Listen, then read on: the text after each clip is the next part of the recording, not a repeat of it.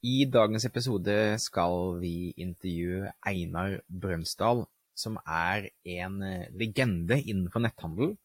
Eh, blant annet startet Bli vakker i 2007, og vi snakker med Einar om hvordan man skal tenke når man skal ekspandere ut utover Norges landegrenser. Det er en kjempebra prat. Eh, Einar er en rett fram kar som har masse, masse respekt for, som er veldig, veldig dyktig på det han gjør. Han deler ulempene, eh, fellene de gikk i, hvordan man skal tenke osv. Så, videre. så dette er en veldig, veldig interessant prat om når, hvordan og hvorfor en nettbutikk bør gå ut eh, utover Norges landegrenser.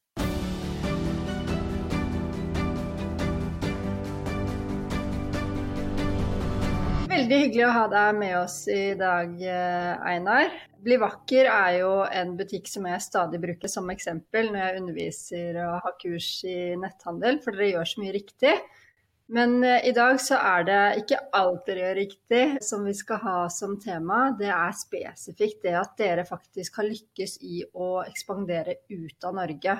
Og da er dere en av ganske få nettbutikker, føler jeg, som både har turt å ta det steget og ikke minst lykkes med det. Så jeg er sikker på at vi, vi kan eh, lære veldig mye av den samtalen med, med, deg. Men jeg tenker de fleste vet nok godt uh, hvem du er, og ikke minst uh, hva slags butikk Bli vakker er. Men kunne du helt kort starte med å bare fortelle historien til Bli vakker? Altså hvordan dere har ekspandert? Det kan jeg godt gjøre. Altså, det begynte jo, Bli vakker ble jo etablert i 2007. Uh, starta jo selskapet i 97. Eh, netthandel var jo, det var jo det første vi begynte med. altså Det var nettauksjon begynte i 99. Og så har vi prøvd og feila. Vi har starta masse nettbutikker. Eh, mange av de har, er borte for lenge siden, og noen av drives videre. Men i 2007 så ble Bli vakker oppstått. Og det gikk jo litt på at jeg hadde observert at det ganske mange av både venner og kona mi hadde handla litt på Look Fantastic i England. Det var jo spennende. Jeg eh, var på et foredrag for mange mange år tilbake. Fortalte at eh, det var en journalist som spurte hva er det neste. Så sa jeg det å selge kosmetikk kanskje kan være noe. Så begynte vi iallfall i 2007 eh, med Bli vakker. Og så har bare, og da, på det tidspunktet så var det ingen som ville selge varer til oss i Norge. Vi kontakta mange av disse leverandørene, og de sa de skulle ikke selge kosmetikk på nett. Så det ble at vi begynte å parallellimportere fra utlandet. Og da ble det masse bråk. Mange leverandører eh, eh, trua oss med å stenge oss ned, for de mente det var stor fare for at varene kunne være falske. Og fram til 2009-2010 så var det jo bare konstant krangling med alle leverandørene. De gikk ut til blogger og sa at vi kan ikke garantere at det blir vakker eller ekte varer. Eh, men etter mye om menn og de prøvde å stoppe oss, så fant de ut at dette her nytter ikke. For dette er en full legitime forretning. Du kan kjøpe varer fra utlandet. Dere kan kjøpe en eh, BMW i Tyskland og selge i Norge. Eh, og på lik linje var det egentlig med kosmetikk. Så begynte det å bare ekspandere. I to, så i 2010 da begynte jo flere av leverandørene å samarbeide direkte med oss. Og så ble det jo utlandet etter hvert, som vi skal nå snakke om. Eh, det husker jeg ikke, var det 2012 tenker hadde vi satt i gang med det i Danmark. Ok, Så dere har allerede vært, uh, vært ute av Norge i elleve år da, når vi ja. spilte inn denne episoden? Vi var i åtte land, vi var, men vi har stengt ned faktisk. Uh, vi har stengt ned alt ut forbi Norden. Så vi var i Polen, Østerrike, Tyskland og Nederland. Der lykkes vi dessverre ikke. det var ikke lett å få det til der. Så der ga vi opp. Nå, men, men Finland, Sverige og Danmark har vært bra. Det jeg synes er litt spennende her, um er jo å få Jeg synes også det har vært veldig gøy å høre Gøy og gøy, men interessant å høre når dere bestemte dere for å stenge ned de landene, og hvordan den prosessen også har vært. Men når dere i 2012 bestemte dere for å gå ut, hvordan bestemte dere for det? Hva var liksom prosessen? Var det bare at vi tenker at her må vi her har vi mulighet til å bare vokse raskere. Hvordan bestemte dere for det landet? Hva var liksom prosessen rundt det? Det er, det er et veldig godt spørsmål. for eh, Mange år hadde jeg tenkt på dette i forkant. Og så var det så mye synsing. Alle, eh, I Norge er det jo veldig ofte at man skal bare inkludere alle, alle skal få si, si sitt. Og så eh, var det fordeler og ulemper med begge deler, men etter hvert så ble, jeg, ble vi bare så Iallfall jeg ble lei av å høre på det der eh, skal, skal ikke, skal, skal ikke. Så måtte jeg bare si det at nå, nå skal vi. Eh, og det var ikke noe å diskutere. Vi skal bare prøve. Eh, og da var det jo mest naturlig kanskje å prøve Sverige først, men Jeg hadde en, en, danske som jeg kjente veldig godt, en som heter Kasper. Eh, og han eh, tente på ideen. Han hadde drevet litt nettauksjon fra før, så vi var jo litt eh, kjent med hverandre innenfor den, den bransjen. Og satt vi bare i gang. Eh, og begynte i 2012. Jeg leide et lokale i, midt i København, i gamle Kongens gate. Og, og, så leide vi inn varelageret i Flensburg, rett over grensa. og det, var det det veldig mange danske nettbutikker som gjør pga. de lave arbeid, arbeidskost der, og så er det jo rett på grensa. da. Så du må, du må, egentlig bare bestemme deg. Vi må prøve uten å Du kan drive og analysere deg i hjel, men gjør du det, du, du, kommer aldri videre. Du må bare bestemme deg. Nå prøver vi.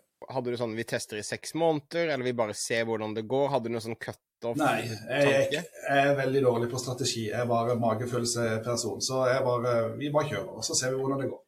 Hva lærte dere i starten der, da dere bare bestemte dere for å kjøre i Danmark? Ja, vi så jo det at det var jo ikke så lett. Eh, kulturforskjeller, de kjøper andre typer produkter. Vi møtte jo også en del eh, problemer med at en del merkevarer vi hadde nekta å selge oss i Danmark. Vi fikk kun lov å selge i Norge. Så det var litt sånn eh, Jeg husker vi, vi hadde jo blodrøde tall i to-tre år. Vi hadde jo vært og Hver gang vi hadde styremøte, så diskuterte vi om vi skulle stenge ned. Men, men så lenge du er, så følte jeg kunne se noe lys i tunnelen, så var det bare vi skal holde på litt til. Heldigvis så hadde vi Bivakker som tjente penger, og da var det da følte jeg bare det var som å så noen frø fortsatt videre i, Danmark og se om ikke det løsna. Hva slags lys er det du ser da? Er det på en måte økende konverteringsrate? Er det gjenkjøpende kunder? Hva slags lys er det liksom Det er vel alt det der. Det, det er så vanskelig å si hva, hva, det egentlig det var. Men eh, du får bare en magefølelse på at det er noe magisk som skjer. Eh, eh, og så må du bare velge å stole på magefølelsen at det, det fortsatt er muligheter. Noe av det jeg føler er en utfordring for de som prøver å satse i utlandet, er jo at de føler at det er, det er langt unna. Mm. Um, reiste du, eller dere, oftere til Danmark? Snakket dere med de danske kundene deres? Altså dette var det første markedet. Det, gjorde du noen grep for å liksom prøve å minske den, eh, den avstanden? Nei, vi, ikke, vi, hadde mye telefonmøter. Eh, det var vel ikke så mye eh, vanlig at vi brukte Teams på den tida. Men snakka med de veldig mye på mailer og var lite der nede. Uh, var jo av og til nede i Flensburg for å kikke, men det var, det var ikke mye. Men vi var nødt til å ha lageret i utlandet pga. Norge er jo ikke medlem av EU. Og det der import av varer frem og tilbake, det, var, det, gjorde det veldig veldig komplisert. Så vi bare valgte å ha eh, lageret ikke sende varene fra Norge, da. Som jeg vet en del andre i Norge har gjort. Og det er jo en sånn klassisk problemstilling. Man begynner å, å, tenke på det med å gå ut av landet, så er det fort der man stopper opp, eller i hvert fall eh, må tenke seg godt om. Mm. Og det var, aldri noe, det var aldri noe option for dere å ha lager i Norge og sende til, til EU. Vi diskuterte det litt, og det fantes løsninger. Men, men, eh, så hadde vi diskutert med noen andre som hadde gjort det, og de syntes det var veldig komplisert. Spesielt med, når ikke de henter pakker, returer. Mm. Og så bare valgte vi å gjøre det enkelt. Men, men ulempen med det jo, det er at du må jo liksom kjøpe to eh, de samme varene på nytt. Så du, mm. du må jo ha jo eh, på en måte doble likviditeten for å Men det fungerer mye, mye bedre når du skal når du kommer opp i viss volum for at, man kan sende varene kjappere. Men eh, det kan godt være at det skulle ha gjort det igjen, helt fra scratch. altså Hvis det er noen andre i Norge som tenker de har lyst til å prøve i utlandet, så kan det godt være at det, det, er bedre å prøve å sende fra Norge enn å bare leie et svært lokale i utlandet og så ansette masse folk og pådra deg masse kostnader. Mm. Ja. og eventuelt i en overgangsperiode, altså bare for å se om man får noen kunder som kjøper, og så heller optimalisere i forhold til lager og mm.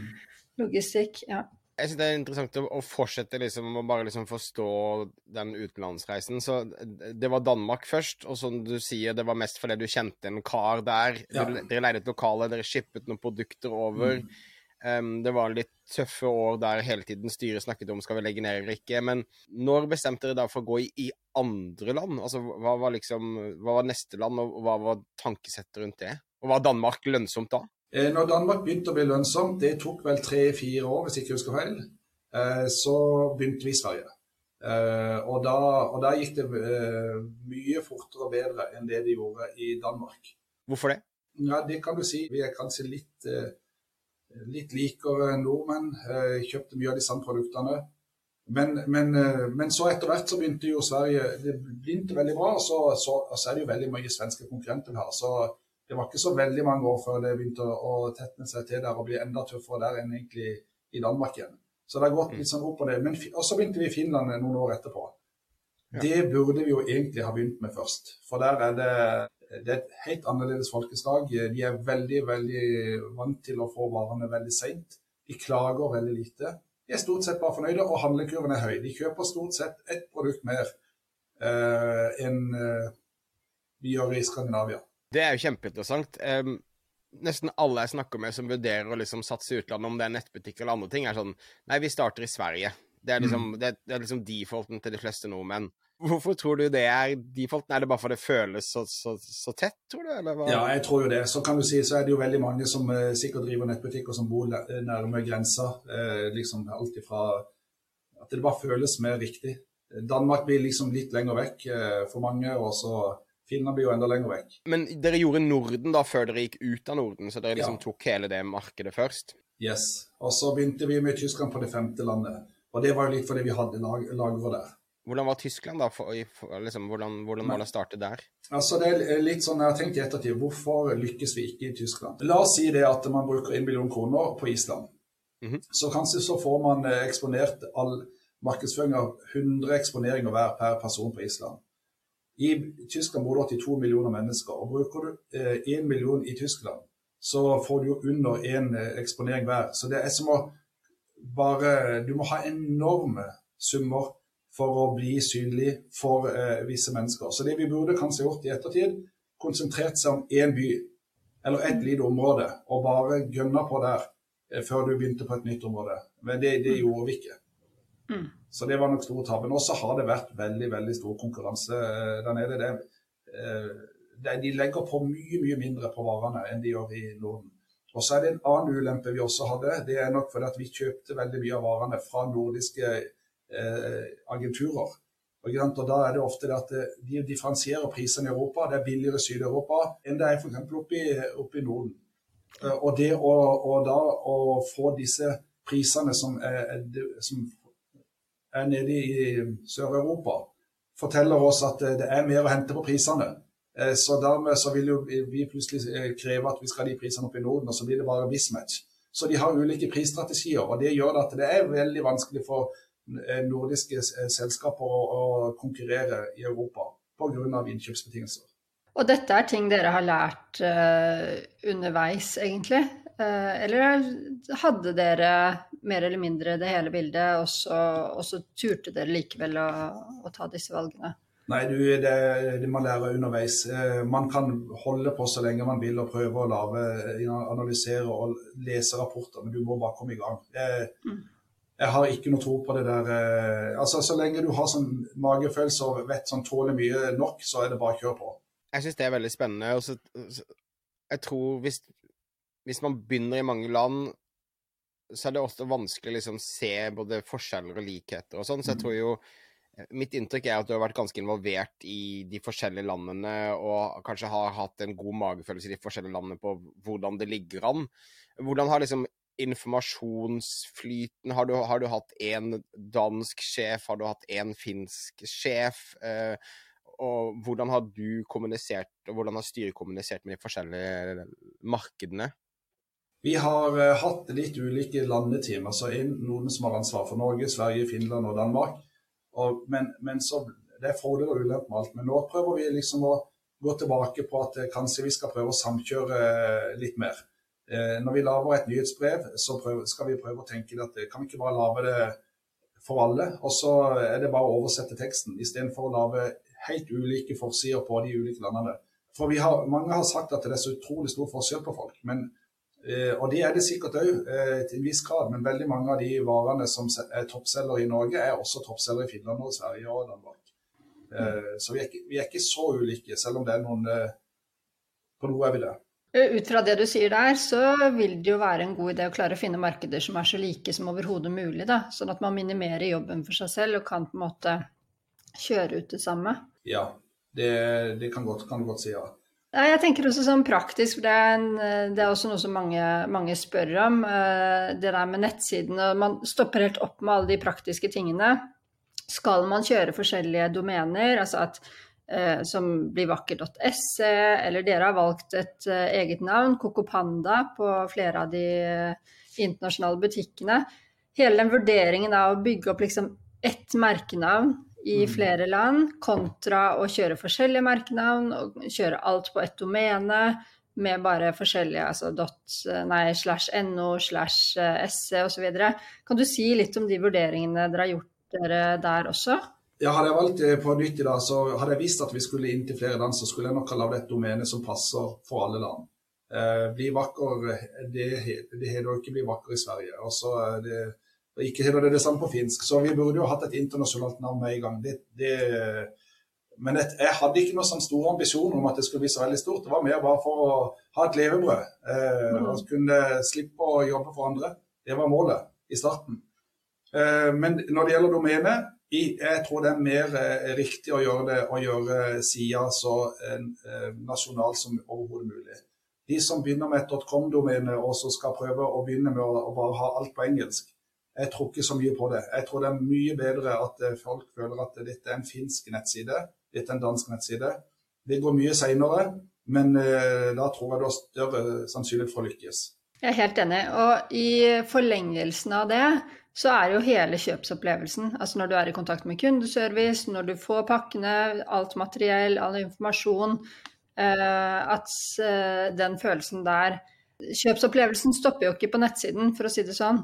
Nei. Du har vært så vidt inne på det der med kulturforskjeller. Du sa annen kultur i, i Danmark, de tok andre valg uh, osv. Så, kan du si litt om det også? I hvilken grad eh, dere har møtt på kulturforskjeller, og hvor viktig det er med lokalkunnskap og å ha lokale ansatte? Ja, eh, Vi merker f.eks. i Danmark, det er, jo, det, er jo, det er, helt utrolig. Hver gang de får eh, lønn i slutten av måneden, så bare tar det helt av gårde. Altså det, de følger eh, shopping ja, fra lommeboka, eller fra lønna. I Sverige så er de nok, klager de nok mye mer enn de gjør eh, f.eks. fra Finland. Altså de blir jo, eh, Der må du bare være obs på at eh, her må du bare gjøre alt riktig hele tida, ellers så får du mye sure, eh, sinte mail de kjøper mye mer. Eh, handlekurven i Danmark er nok eh, ofte høyere eh, enn det har vært andre steder. Og, og, i Finland så kjøper de ofte mer eh, produkter enn de gjør i andre land. Vi har ikke så veldig mange ordre i Danmark, men de er ofte de mest lønnsomme, har jeg lagt merke til.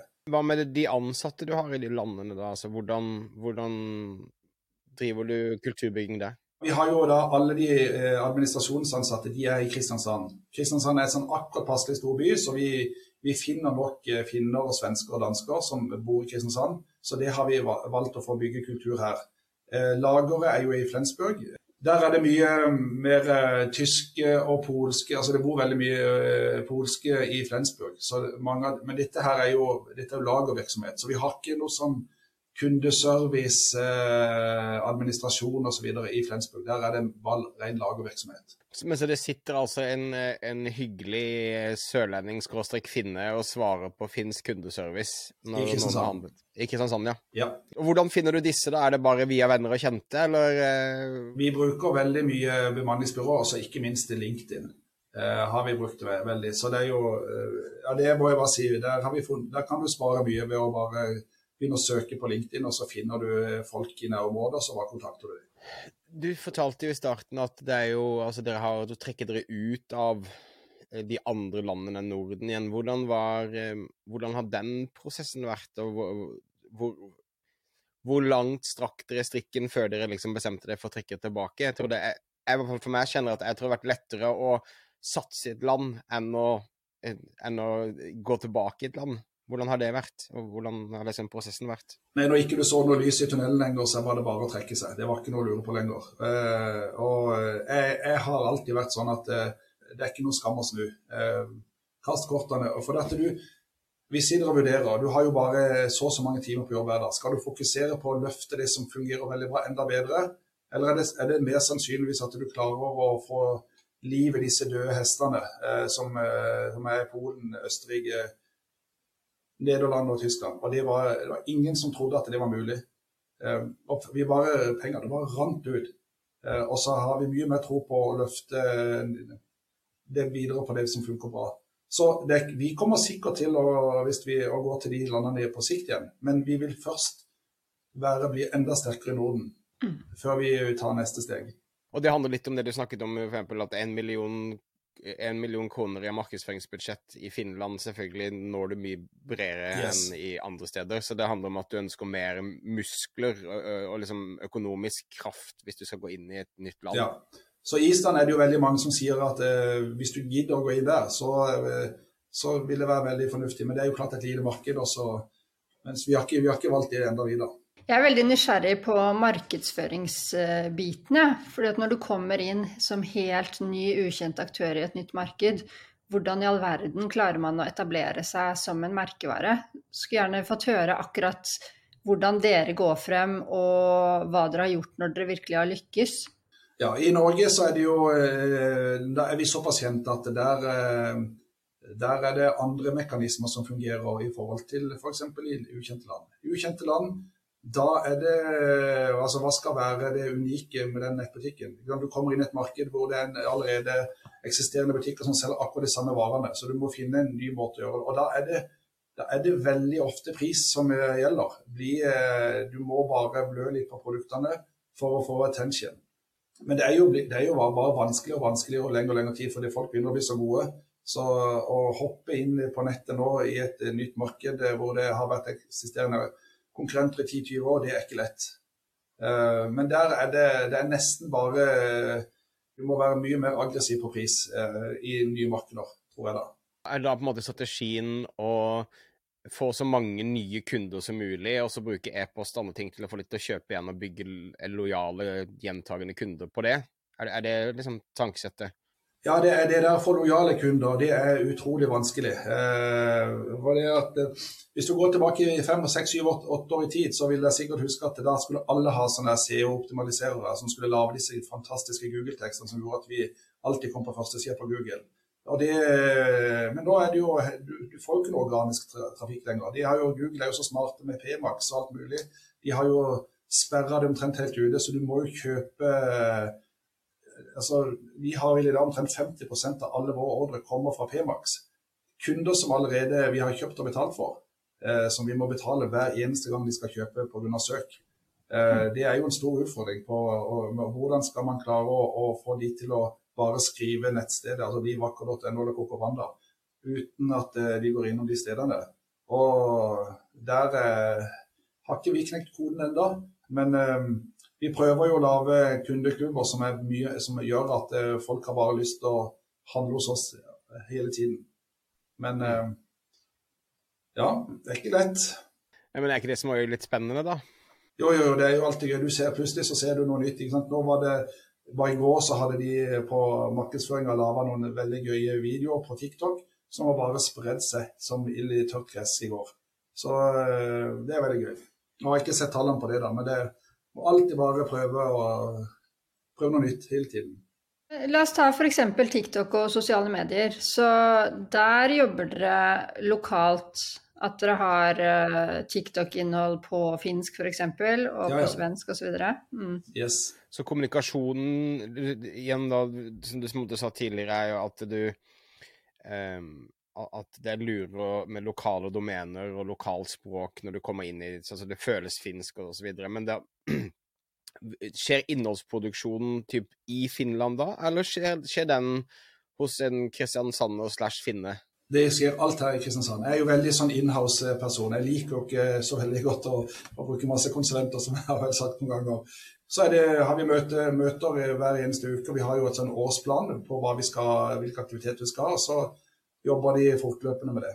Og, og den personen, da er den, er den kundeservice, TikToker, Snapchatter, Instagram Altså er den personen eier liksom Vi er ikke så, vi er litt bredt, altså. De jobber tvers over alle kanaler. Men jeg skulle bare si det med domenet nå, vet du hva. Det, var det, at eh, det spørs jo hva du driver med. De driver jo med salg av fysiske produkter. Da tror jeg mye mer på å ha eh, et, eh, gjøre det lokalt på hvert land. Skal du drive med softwareutvikling og du skal selge sånne type tjenester, så er det jo selvfølgelig mye bedre med .com og ha alt på engelsk. Med alt det du har lært la, la oss si du Personen som lytter på denne podkasten, hun har en nettbutikk som selger klær, f.eks., og hun vurderer da å eh, gå ut i utlandet. Hvordan ville du, hvis du hadde drevet en nettbutikk 10-12 millioner i omsetning, som, som, som, tenker nå skal vi nå har vi bestemt oss, vi skal ut i utlandet. Hva er prosessen? Hva, hvordan ville du rådet den personen? Hva, hva, slags fallgruver skal man unngå? Hva slags ting bør man tenke på? Først vil jeg bare sette om du tjente penger i Norge. Altså Gjør du det, så er det stor sannsynlighet for at du kanskje klarer det også i utlandet. Hvis ikke det er noen veldig særegne produkter som kun nordmenn kjøper. ikke sant? Eh, skal du bare selge ostehøvler, så er det ikke sikkert at finnene syns det er så gøy. Men hvis du skal selge klær, eh, har du kule klær i Norge, så vil det nok funke også i de andre landene. Da vil jeg ha funnet en tredjeparts logistikksenter først. Jeg ville ha gjort det. Ikke tatt så stor risiko. Ikke begynne å leie et lager og ansette masse folk. Begynn i det stille. Ikke vær så opptatt av om du tjener så veldig mye penger i starten. For hvis du får suksess, du får eh, masse ordre, tredjepartslogistikk og ikke tjener penger, så vet du det nedover veien at når du, når du switcher over og begynner å gjøre dette sjøl, så kommer inntektene. Men du må, du må, du må lære litt eh, og ikke ta for stor risiko. Det hadde jeg gjort. Hvis vi tenker Finland, altså da er det minklesbutikk.fi som eh, blir liksom domenet. Yes. Eh, du finner en eller annen person som kan skrive finske e-poster, annonser og oversette nettbutikken din. Så det er liksom starten. Og hvordan ville du da bare begynt å annonsere på Meta, eller hvordan ville du liksom Hvis du har, du har domenet ditt, du har en tredjepartslogistikk, hva er liksom neste steget? Vi selger jo typisk merkevarer. og Da, er jo Google veldig viktig, for det at folk søker på Redgen sjampo. Eh, men hvis du begynner med et klesmerke som ikke er kjent, så er det jo typisk eh, inspirasjon på TikTok, Instagram, eh, Facebook osv. For da må folk se produktene. Folk søker ikke etter en, en jakke med et helt ukjent merke. Eh, så det spørs hva du skal. Da hadde jeg gått på Meta-universet. Hva andre ting eh, hvor, Når vet hun når hun bør gønne på videre og, og trekke i bremsen? Er det, er, det, er det, en magefølelse? Er det en ting, hvor, lang, skal du liksom Ja, det er akkurat det. For det, du kan bare ikke lære det eh, på skolen. Du kan lese så mye tallmateriale, og du kan eh, prate for og mot. Du må bare kjenne på det. Eh, jeg tror bare alle de som er gründere, de vet akkurat hva jeg snakker om. Du kjenner det bare i kroppen. Dette er veien å gå. Og så bommer du noen ganger, og så ler du litt fordi at du, eh, magefølelsen eh, spilte et lite puss.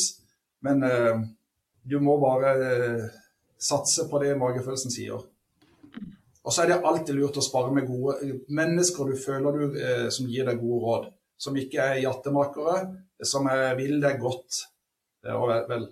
Og som kanskje også har et åpent mindset, så de ikke bare har sin egen frykt og sier nei, det er skummelt å ikke gjøre det. jo eldre vi blir, så lærer man jo mer og mer om mennesker, tror man iallfall. Altså, så, eh, I starten så, eh, av livet så eh, stoler man jo blindt på alle, og du føler nesten Du er alltid enig med siste taler, og den har alltid rett. Men etter hvert så må du eh, differensiere hvilke mennesker er det faktisk som gir de riktige rådene og dårlige rådene. Så du må jo begynne, må begynne å analysere det òg. Men, men, man blir jo stort sett flinkere og flinkere forhåpentligvis på å, å, lytte til de menneskene som gir de gode, velmente rådene, og de som eh, tar feil. Og så bøter du på mennesker som har født med hjelm med hodet, som eh, syns alt er skummelt. Og de må du òg eh, hoppe bukk over. Ja. Husk på at alle skal ha klær. Alle skal ha, For oss òg. Jeg tenker folk i Finland òg, de skal jo ha parfyme og sjampo, så de, de, skal på en måte kjøpe det. Eh, så er det bare å knekke koden på hvordan skal man få innpass til at de kjøper fra det. I Thomas sitt eksempel så sa han en eh, nettbutikk som omsetter for 10-12 millioner. Mm. For det er også en sånn avveining. Eh, vi intervjuet eh, Sindre Landvåg, som du jo kjenner godt, ja. i Get Inspired. Og han sa det at For de selger jo bare i Norge. Men han sa at hvert eneste år så tar de det opp til vurdering. Skal vi ekspandere ut av landet? Og frem til nå så har svaret hvert år blitt nei, det skal vi ikke. Vi skal heller vokse på andre måter i Norge per nå. Uh, og Det syns jeg var så kult å høre. at Det er ikke sånn fordi at de ikke har tenkt tanken om å, om å gå internasjonalt, men at de har gjort vurderinger som har kommet frem til svaret nei. Og de omsetter jo for veldig mye mer enn 10-12 millioner. Så, så har du noe sånn eh, råd eller betraktninger rundt det der med å vokse Hvor langt man kanskje bør vokse i Norge før man går internasjonalt. For én ting er det å selge med overskudd, det kan jeg gjøre når jeg selger for fire millioner i året. Men, men, da kan det hende at, at, det er mer å hente i Norge før jeg skal komplisere ting for meg selv. Da. Hadde jeg drevet en nettbutikk som omsatt for 10-12 millioner, og liksom og, og, og, liksom, vi hadde hatt 10 100 200 000 i resultat flere år på rad. Jeg hadde aldri giddet å bruke tid på utlandet. For da har du mer enn nok med å konsentrere deg om å øke lønnsomheten i Norge. Men kommer du opp på et veld, veldig bra nivå, typisk har 10% på bunnlinja, 15 det begynner å bli en stor suksess, du ser pilene peker oppover, da er kanskje steget, eh, steget å ta. Men, men, det må være det, er alltid lettere å drive butikk i sitt eget land. Det må du ikke glemme. Det er bare Jeg tror det er der du kommer til å tjene mest. Det er der du har mest kunnskap og know-how. Så ja, jeg hadde Når lønnsomheten er ekstremt god, da kan du vurdere det.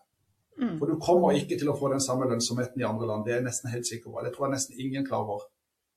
Hvis ikke du driver eh, med softvareutvikling, eh, som eh, men skal du selge fysiske varer, du tjener alltid mest i ditt eget hjemmemarked. Jeg syns det er et veldig godt råd, og jeg tror at mange vurderer utlandet når de, begynner, når de begynner, å møte motgang i, det, i, sitt eget marked. og Det er kanskje da du heller burde forstå mer og, og navigere, navigere yes. og løse det problemet enn å liksom hoppe videre til um, ja. til noe annet.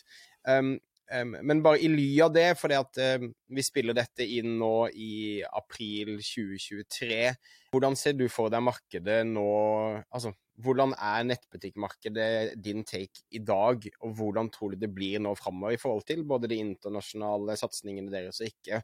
Mange sier folk er redde for det. Økonomien vår er stresset, folk er stresset. Hva er liksom din take på, på, på hvor, hvor, netthandel er nå, og hvor den er på vei henne? Ja, det er et godt spørsmål. For det, vi, det har jo vært så, så, veldig merkelig år. Du har korona som har holdt på i flere år. Det var jo veldig veldig bra for veldig mange nettbutikker. Nå eh, så åpner markedet opp, og så stopper det litt, og så er det rente og strøm og alt. Så, men vi er nok i litt eh, Folk vil alltid vaske håret og, og bruke deodorant, eh, så vi er nok eh, ikke vi er litt skåna for det. Vi har jo en annen nettbutikk, Netthandelen, som er Hagemøbler der ser vi jo at eh, der sparer folk på pengene. Det er ikke like lett å få ut 15 000 kroner eller 10 000 kroner på et hagemøbelsett i dag som det var for ett eller to år siden. Eh, men jeg tror på sikt så eh, Den veksten som vi har hatt i e-handel siden 2000, da, den, mange trodde jo etter hvert at liksom 50 av alt non-food-produkter skulle bli omsatt på nett. Det tror ikke jeg. Og så tror jeg vi har prata mye om Omnichannel, det var jeg imot før. Men jo mer og mer tida går, så blir jeg mer og mer sånn at eh, sånn som pga. markedsføringskostnadene øker og øker. Det er så mange som skal på nett. Prisene på Google, Meta-universet overalt, det, bare, det, blir dyrere og dyrere. Eh, du må være mer og mer kreativ. Eh, og da tror jeg det at du har litt fysiske butikker, viser deg litt fram på en annen måte, gjør at du, det, du må se på det som en, en markedsføringskanal. Eh, altså Klarer du å drive en fysisk butikk som går i null, eh, så tror jeg det er med å bygge opp eh, merkevarekunnskapen. At det kanskje hjelper det nettbutikken med at folk søker på ditt eget merkevarenavn osv. Eh, litt begge deler må man ha, tror jeg. Men, men, du skal selvfølgelig ikke med, hvis du har en idé å begynne nettbutikk, så skal du ikke begynne med en fysisk butikk samtidig. Det får du ta litt senere. Ja, og Det er jo gøy med dere, for dere har jo vært en pure player i mange år. Helt til det plutselig dukket opp en Bli vakker-butikk på Markens uh, i Kristiansand. Ja, så har vi en på Sørlandssenteret. Og det var ikke fordi vi hadde så veldig lyst, men det var fordi at leverandøren krevde det.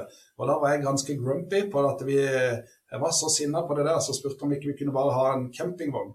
Eh, som bare sto på landet, bare for at da hadde vi et fysisk utsatssted. Men det sa de det er jo bare unngåelse av regelverket. Og så måtte jeg bare snu tankene, og så istedenfor å tenke en campingvogn, så tenkte vi når vi får gå helt i andre enden av skalaen og bare lage den skikkelig feteste og kuleste butikken vi kunne tenke oss. Og så begynner, så begynner vi å se at det, det, går faktisk an å tjene penger på dette her. Så da er det jo eh, Det får oss jo litt å tenke på at vi skal ha flere butikker. Så det, kommer, det tror jeg nok kommer til å skje.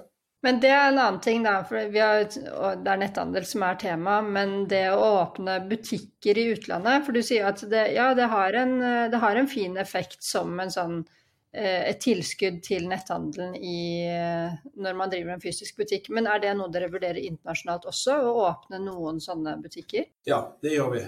Men først vil vi bare bli gode i Norge. Lære i Norge. vi, Nå har vi lært fra før at det liksom bare Vi hadde jo en strategi for noen år tilbake, Paint Europe Pink. Vi skulle bare inn i nytt, flere land, tre-fire land i året. Det ble altfor det vilt. Vi, vi, hadde ikke kapasitet eh, på huset, folk ble slitne. Det, det, det, var, det, var, for stressende. Du kjenner jo eh, netthandelsmarkedet veldig godt i, i Norge, er en av de som har drevet desidert lengst. Når du observerer eh, nettbutikker her, tenker du at det er flere som burde tatt steget og forsøkt seg i utlandet? Ja, det er det helt sikkert. Eh, hvem bør, det er det helt sikkert. Nå har ikke jeg gått inn og liksom tenker på det daglig hvilke nettbutikker bør gjøre det, men det, det er garantert noen av de som uh, hadde klart å lykkes med det. Og da spesielt de som gjør det godt i Norge. Jeg er ganske sikker på at uh, Get Inspired er et eksempel på en nettbutikk som jeg tror ville ha klart seg fint i utlandet. Mm. Ja. Hører du det, Simre? Kjør på. den, skal legge, den, skal vi la være ja, inne, så kan Sindre få det med seg. ja, ja, ja, det er bra. ja. ja. men Så bra, Einar. Vet jeg, jeg føler at vi har um, vært innom de, de, viktigste punktene her. Er det noe liksom helt på slutten du, du kunne tenke deg å si til, eh, til, de små nettbutikkene som ennå ikke er store og lønnsomme, som du, som, som du tror de trenger å høre? Yes, jeg har et Det var godt du sa det. Du, Der stiller veldig mye gode spørsmål. det er jo Jeg kunne prata med deg i timevis. Der er flinke. Eh, men det jeg, tenk, eh, det jeg, tenker på, det er at eh, har eh, Det går litt på den norske kulturen. Vi har i dag en veldig flat struktur hvor alle skal være på lik linje. Det er bra på mange måter. Og så er det Jo mer og mer tid har gått, så har, det, har vi laga en sånn kultur hvor hver gang vi skal gjøre noe nytt, så skal eh, vi på en måte inkludere alle. Alle skal være på møter. Vi har, vi vi har så mye møtevirksomhet nå at vi, vi, har møter bare for møtets skyld omtrent. Og, og alle, vi har lagd en, en, en, kultur hvor alle skal høres og bli sett. Kanskje det har begynt å bli litt for mye av det gode. For nå, nå har jeg litt lyst til å gå tilbake til at vi skal begynne å teste mye, mye mer enn vi har gjort, uten at eh, ti stykker skal være involvert.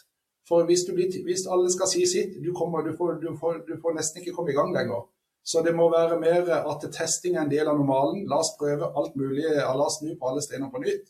Eh, før man, eh, også får det heller være sånn at eh, man informerer mer til de ansatte at nå kjører vi dette, nå kjører vi dette. Og alle kan bli hørt på råd, men det må ikke være sånn at alle skal ha eh, på en måte lik stemmerett. Mm det tror jeg kan bremse veldig mange. Og det ser jeg mange jeg prater med, har jo opplever mye av det samme.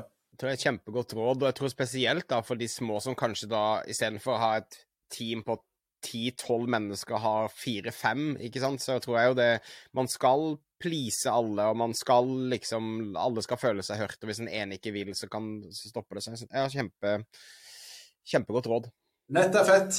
Det er bare Og hvis det, og det må jeg bare si, jeg, er veldig sånn person som hvis noen sender meg en mail og lurer på noe, så, så er det noen som hører og har, har et eller annet konkret spørsmål, så jeg syns det er alltid gøy å prøve å hjelpe så godt jeg kan med å svare dem. Så det må de bare gjøre. Så hyggelig. vet du hva, Da, da skal vi legge det inn i shownotes også. deg. Da, da, legger vi Einar sin uh, Vil du ha LinkedIn, eller vil du ha e-posten din? Nei, E-posten er helt topp. OK, da ligger ja. den i shownotes, vet du. Men jeg må si dere, dere, dere stiller opp veldig gode spørsmål. Jeg syns det er så gøy med mennesker som eh, forstår bransjen, som jeg merker dere to gjør. Så eh, da syns jeg det er gøy å prate.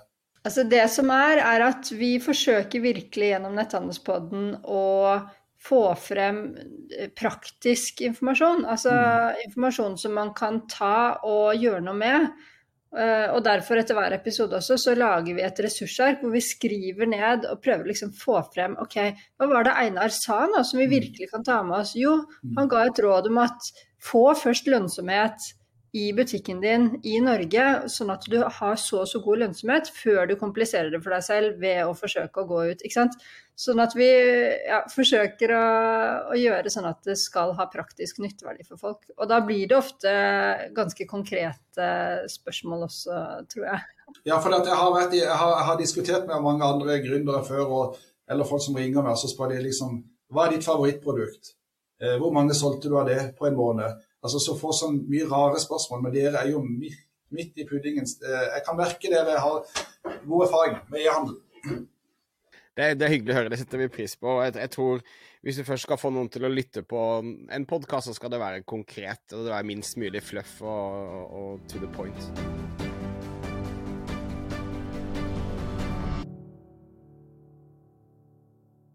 En siste ting før du går. Jeg vil gjerne invitere deg til netthandelskonferansen. I august hvert år tar meg og Marte Klammen og samler de mest spennende, mest inspirerende personer innenfor netthandel, og kommer med konkrete råd og tips som du kan ta med deg hjem og implementere når du kommer hjem fra konferansen. Oppdatert dato og oppdatert program finner du alltid på netthandelskonferansen.no, og som podkastlytter så får du 1000 kroner i rabatt på den til enhver tid gjeldende prisen. Så du bruker eh, kupongord podkast med C, P-O-D-C-A-S-T, når du sjekker ut, så får du altså 1000 kroner i rabatt. Det er fantastisk når du samler deg et rom med hundrevis av andre som er interessert i netthandel. Det blir gode samtaler, det blir gode relasjoner. Og som sagt, foredragsholderne er vi ekstra stolte over. Her kommer en veldig konkrete råd for folk som gjør dette hver eneste dag, som skal hjelpe deg å bli mye bedre. Så jeg håper du har lyst til å stikke innom netthandelskonferansen.no, sjekke ut programmet, melde deg på og bruke da kupongkode podkast for å få 1000 kroner rabatt, siden du er en podkastlytter som vi setter veldig pris på. Vi ses.